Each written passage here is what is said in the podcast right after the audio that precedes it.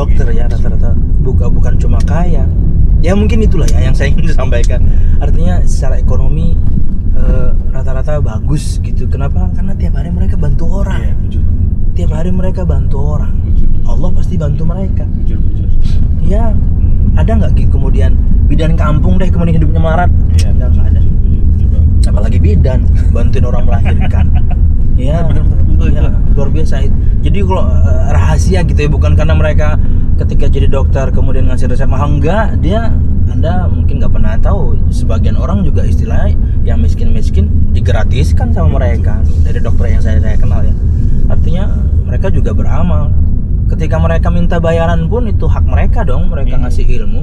Tapi ya itu bantu orangnya itu loh yang membuat Iya, Subhanallah. iya. Karena itu janji janji Allah dari lewat Nabi Muhammad, wallahu fi aunil 'abdi ma kana al-'abdu fi akhi.